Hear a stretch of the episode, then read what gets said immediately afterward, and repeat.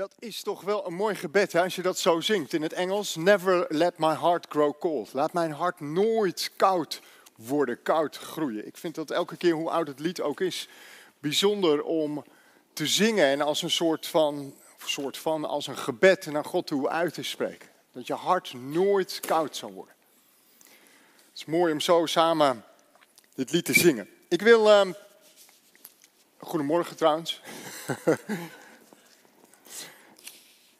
Ik wil, van, ik wil vanmorgen beginnen met een soort van eh, ja, denkoefening, heb ik op mijn papier gezet. Maar gewoon maar eens, ja, proberen om je het voor te stellen dat, dat als, we de, als we de wereld waarin we leven, als we dat nou enorm zouden simplificeren. En de wereld zouden indelen in twee groepen. Dus alle mensen op de wereld zouden indelen in twee groepen. Twee categorieën. Aan de ene kant de categorie van de nemers. En aan de andere kant de categorie van de gevers. Nemers en gevers. Je kent ze misschien wel. Hey, die mensen die altijd voor je klaarstaan. Klaarstaan voor jou, klaarstaan voor iemand anders. Mensen met elke keer een goed woordje of een cadeautje. Er is altijd tijd. Er is altijd ruimte. Er is altijd een grote glimlach. De gevers. En dan zijn er ook die mensen, die hebben altijd iets nodig. Aandacht. Dankjewel, Adriaan. Een glaasje water. We hadden dit niet gepland zo, maar. Die mensen die altijd iets nodig hebben aandacht hebben ze nodig. Ze hebben een probleem om op te lossen. Ze hebben een mening die ze dan wel weer delen. Ze geven hun mening, maar het nemen van die, van die dat, dat kost tijd en energie. Ze nemen jouw tijd en, en energie. De nemers.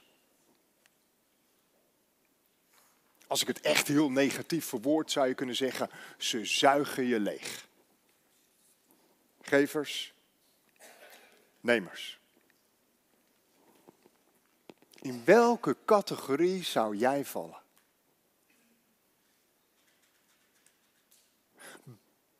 Bij welke categorie zou jij je thuis voelen? Op je gemak? Wim noemde het al net. In het kader van ons jaarthema, Samen onderweg, starten we vandaag met een nieuwe serie. Tot en met Paarsen gaan we nadenken over dat we samen onderweg zijn met God. En de afgelopen maanden, september tot november, stonden we erbij stil dat we samen onderweg zijn met elkaar. We hebben samen nagedacht over het samen onderweg zijn in je huwelijk. Het samen onderweg zijn als je alleen bent, alleenstaand bent. Um, de, de enorm belangrijke rol van vergeving in het samen onderweg zijn. En als klap op de vuurpijl zijn we gewoon letterlijk samen onderweg gegaan van het Scala naar hier, naar de Goede Herderkerk. Samen onderweg met elkaar. En nu samen onderweg met God. En ik wil een paar versen met jullie lezen uit Johannes hoofdstuk 10, de versen 6 tot en met 11.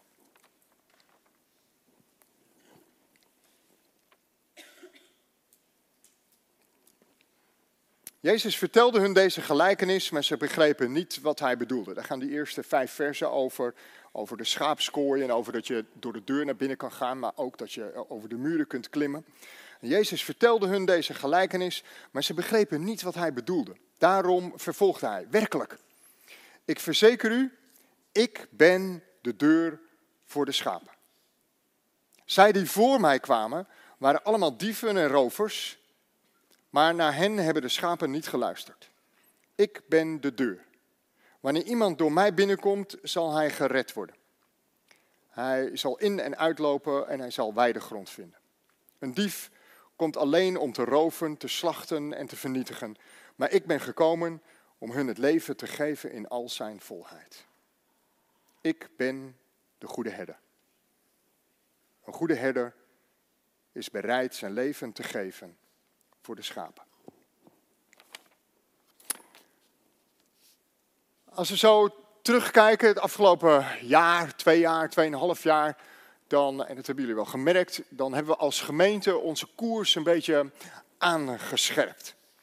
En we hebben die koers samengevat in dat we een gemeente willen zijn die gericht is op Jezus. Jezus is in het centrum van de gemeente. En we willen als gemeente gericht zijn op dat centrum in plaats van dat we gericht zijn op de grenzen. En we willen gericht zijn op Jezus en we willen samen onderweg gaan met Jezus, naar Hem toegroeien en samen met Hem optrekken. Jezus is het centrum van de gemeente. En ja, dat klopt. En toch is het net even iets ingewikkelder dan alleen maar dat. Heb ik ruzie met mijn draadje? Die gaat los. Zo. Het is iets ingewikkelder dan alleen maar dat, want in het centrum van de gemeente gaat het ook over God en over een bepaald beeld van God en welk beeld je van God hebt. En als het gaat over het centrum van de gemeente, dan gaat het ook over het woord van God, over de Bijbel en hoe we die Bijbel lezen en interpreteren, op welke manier dat kan en op welke manieren we dat doen. En dat alles vormt dat centrum van de gemeente. En als we samen onderweg zijn met God, dan is dat verbonden met de drie eenheid. Vader, Zoon en Heilige Geest. En dan gaat het te ver om hier en nu uitgebreid stil te staan bij de drie eenheid. En eerlijk gezegd weet ik ook niet of ik dat kan. Maar feit is wel dat Jezus als de zoon wijst op de Vader en dat daar die onderlinge verbondenheid is door de Heilige Geest. Er zijn niet zoiets als drie goden. En er is ook niet zoiets als drie gemoedstoestanden van één God. En het is ook niet zo dat er een soort van vierde God is die daarachter zit en als het hem maar uitkomt zich op een andere manier presenteert. Er is één God, Vader, Zoon en Geest, die in een constante, eeuwigdurende en vooral gevende relatie staan met elkaar. In de komende weken staan we stil bij een aantal eigenschappen. Van God als Vader, van God als Geest en van God als Zoon. En vanmorgen, God de Vader is vrijgevig. Er zijn mensen die zien God als een nemer. God als een nemer. Een God van wie je niets mag. Een God die alleen maar neemt. Een God van wie je geen plezier mag hebben in je leven, maar een God die alleen maar regels geeft, waar je aan moet houden. Dat je niet mag genieten van alles wat de schepping biedt, maar dat je alleen maar sober of karig moet leven. En als klap op de vuurpijl een God die neemt, een God die vooral door middel van de kerk je geld neemt. Veel geld. God als nemer.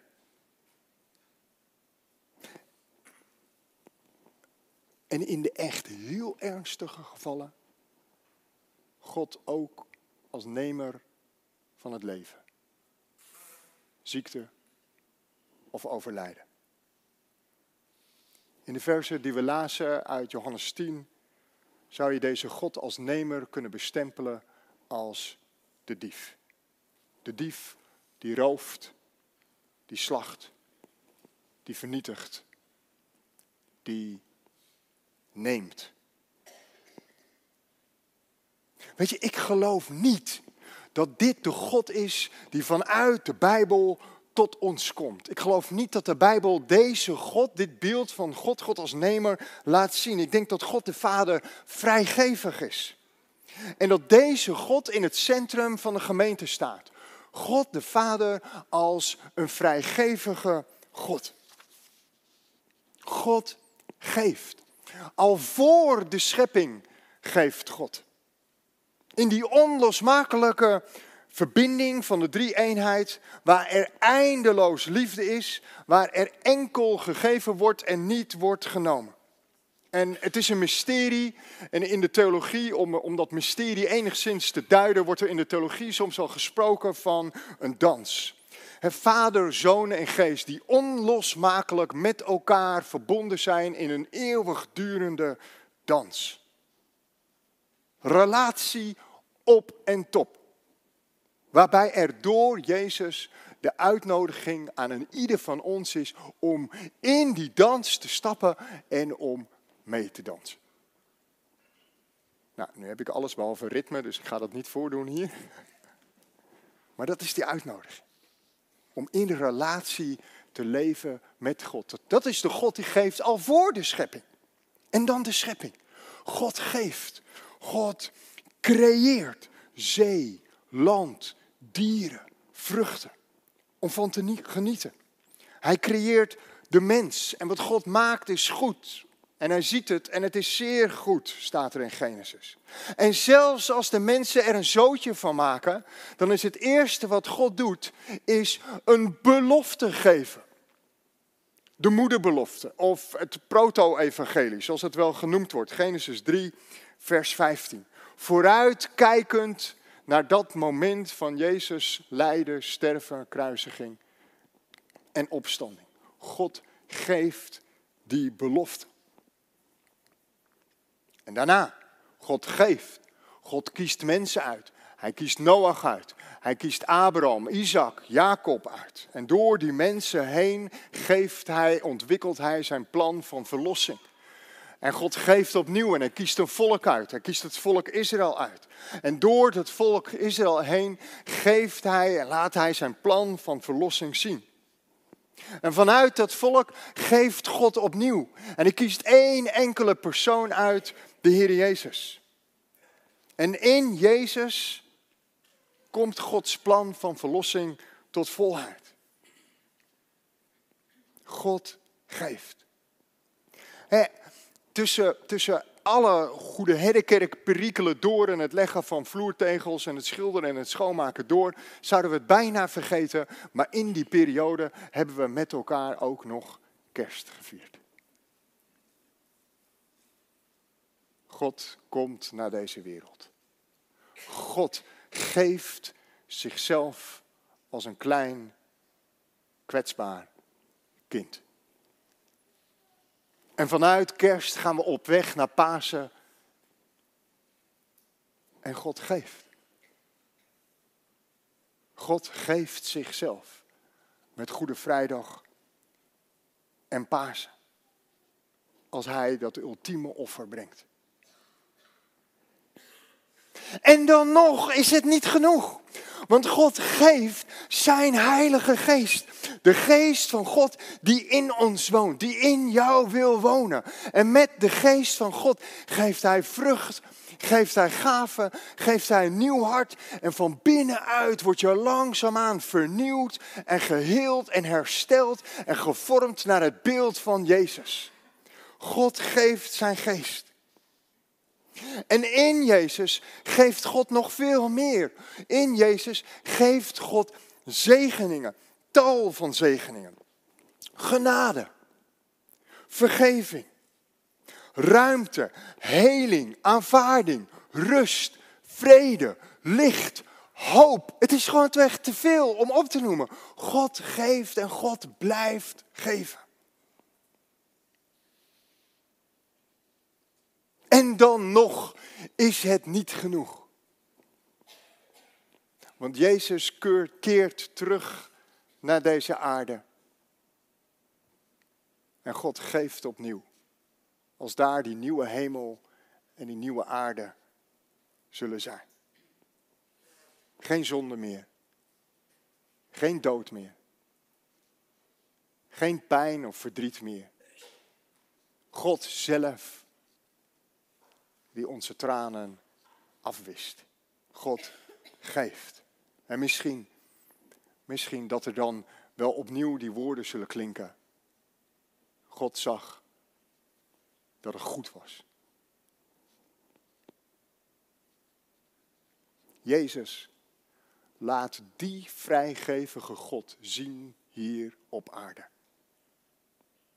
Jezus vat het een soort van samen in die paar woorden uit Johannes 10. Ik ben gekomen om leven te geven. Leven in volheid. Leven in overvloed. Ik ben gekomen om leven te geven. En misschien wel het mooiste beeld wat er vanuit de Bijbel naar ons toe komt, het mooiste beeld van die vrijgevige God, is in Lucas 15, als we lezen over de gelijkenis van de verloren zoon. De vader die daar staat, te wachten. De vader die met, met open armen wacht totdat zijn zoon weer thuis komt. God, God de Vader, is een vrijgevig God. En misschien zit je hier vanmorgen wel en vind je nog steeds dat God een nemer is. Dat mag. Dat kan. Maar dan bid ik.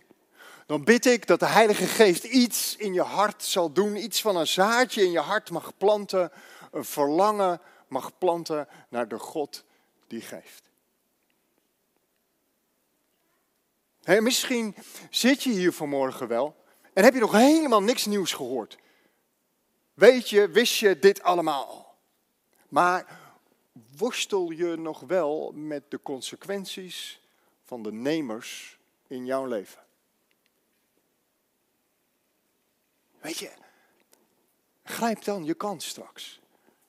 En neem de tijd om, om er met iemand over te praten of om samen te bidden en na te denken. Er zijn mensen beschikbaar voor je. Het gebedsteam is er voor jou. En misschien zit je hier vanmorgen wel en ben je een gever. En heb je jezelf zo ongelooflijk leeg gegeven dat je niet meer kunt. Dat je echt niet meer kunt. Neem dan de tijd. Neem dan vanmorgen de tijd om die leegheid aan God te geven. En te vragen of Hij opnieuw wil vullen. Brood en wijn zijn voor jou.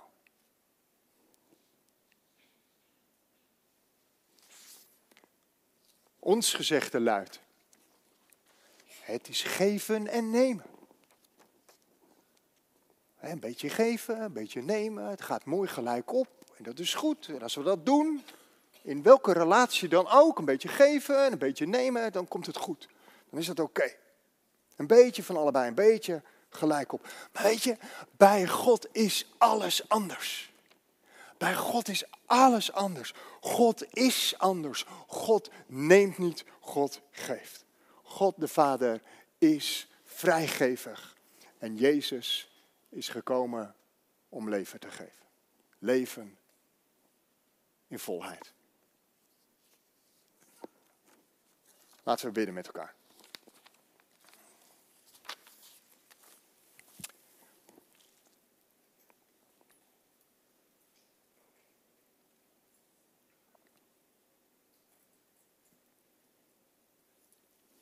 Vader in de hemel, ik, ik kan eigenlijk maar aan één woord denken. En dat is dankbaar. Dankbaar. Dank u wel dat u een vrijgever God bent. Dank u wel dat het evangelie werkelijk goed nieuws is. Dat u een God bent die wil geven. Heer, en als we hier zo met elkaar